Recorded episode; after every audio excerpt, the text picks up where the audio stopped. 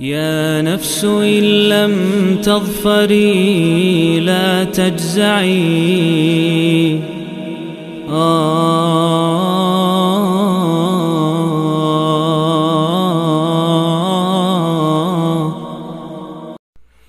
Bismillahirrahmanirrahim Alhamdulillah Wassalatu wassalamu ala rasulillah Ubad Surat yang menjadi sajian kita dalam program 114 hari menyambut Ramadan kali ini adalah surat yang ke-17 Surat Al-Isra.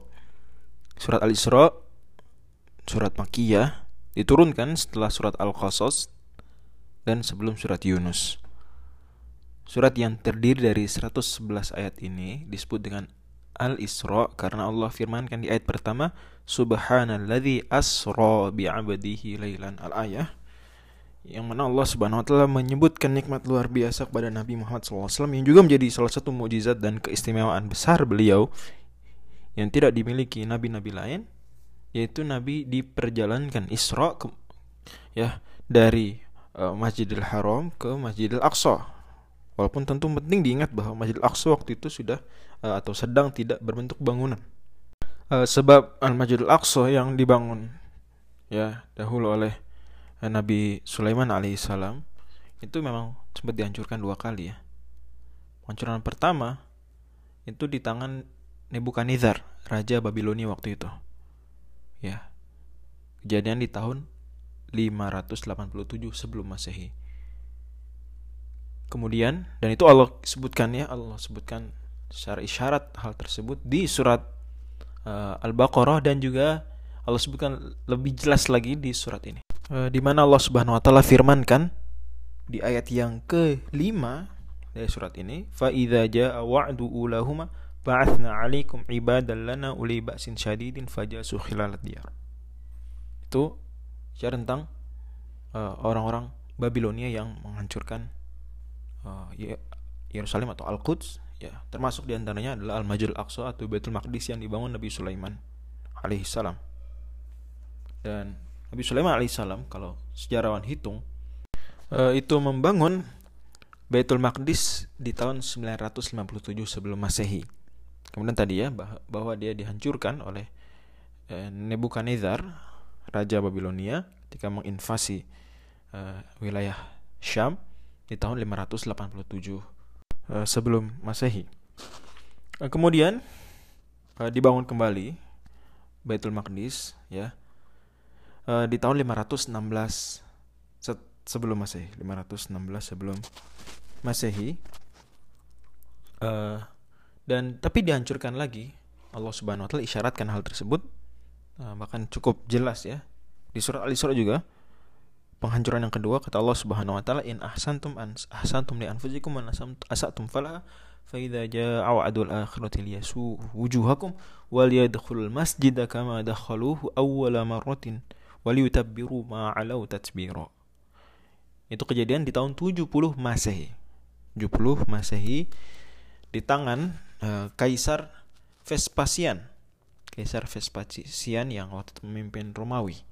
Nah, kemudian baru nanti di zaman Umar bin Khattab ya di eh, tahun 17 Hijriyah itu baru Umar bin Khattab membangun kembali. Eh, dan itu juga kalau dihitung dengan hitungan eh, Masehi tahun 637 eh, Masehi.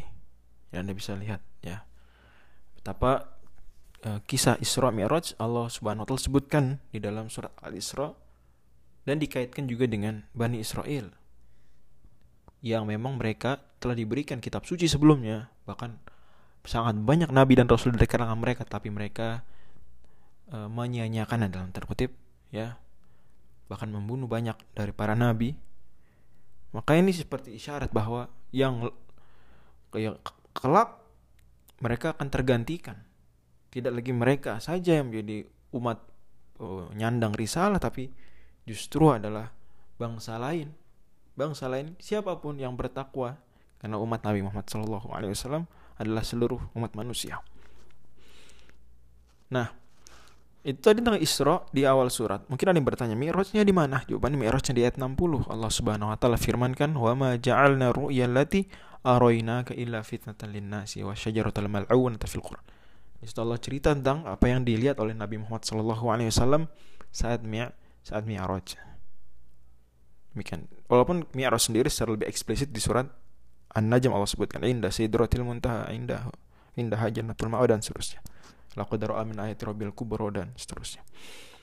Nah, surat ini tadi tema besarnya adalah tentang keistimewaan Nabi Muhammad uh, alaihi wasallam beserta mukjizat-mukjizat beliau. Tidak terbatas Isra, Mi'raj, tapi juga Al-Qur'an yang bahkan Al-Qur'an di sini benar-benar sering-sering Allah Subhanahu wa taala uh, berikan informasi tentang keistimewaannya. Allah firmankan inna hadzal qur'ana yahdi aqwam wa yubashshirul mu'minin al-ayah di ayat 9. Allah katakan wa idza qara'tal qur'ana ja'alna bainaka wa bainal ladzina la yu'minuna bil akhirati hijaban mastura. Ayat 45. Jadi ayat 9 Allah bilang Al-Qur'an ini membimbing manusia menjadi lebih baik. Menjadi yang terbaik. Ayat 45 Allah bilang kalau engkau baca Al-Qur'an kami akan melindungi engkau. Ayat 88 Allah firmankan Qul la in jitama'atil insu wal jinnu ala ayyatu bimithli hadzal qur'ani la ya'tuna bimithli Ayat 88 Katakan wahai Nabi Kalau mereka manusia semuanya Jin semuanya Berkumpul saling kerjasama membuat seperti Quran Tidak akan mampu Dan seterusnya Allah subhanahu wa ta'ala juga kemudian uh, Sebutkan Al-Quran sebagai Syifa Warahmatan Obat Dan juga apa rahmat di ayat 82. Allah Subhanahu wa taala juga di surat ini menyebutkan uh, tentang bahwa Nabi Muhammad wasallam ditinggikan kedudukannya. Asa ayya ba'atsaka rabbuka maqaman mahmuda. Maqaman mahmuda di ayat 79. Itu di antara tafsiran adalah syafaatul uzma. Syafaat terbesar nanti Nabi. Kemudian juga di antara Nabi berarti otomatis maqam mahmuda Nabi pertama masuk surga, pertama membuka membuka pintu surga dan seterusnya dan seterusnya. Surat ini juga menyebutkan beberapa banyak ya akhlak luar biasa indah ya. Tauhid, uh, birrul dan seterusnya dan itu tentu akhlak Nabi Muhammad SAW. Makanya di surat ini Allah Subhanahu bandingkan dengan Nabi Musa. Allah bilang Nabi Musa walaqad atayna Musa tis'a ayatin bayyinat. Nabi Musa diberi 9 mujizat ah, dan sebelum-sebelumnya dan setelah-setelahnya Allah Subhanahu sebutkan keistimewaan dan mujizat-mujizat Nabi Muhammad sallallahu alaihi wasallam dan surat Al-Isra itu kata Nabi sallallahu alaihi wasallam uh, dalam hadis riwayat Imam Ahmad yang diriwayatkan bahwa Nabi karena Rasulullah SAW la yanamu hatta yaqra Bani Israila wa Zumar. Nabi tidaklah tidur sampai membaca surat Al-Isra dan surat Az-Zumar. Wallahu a'lam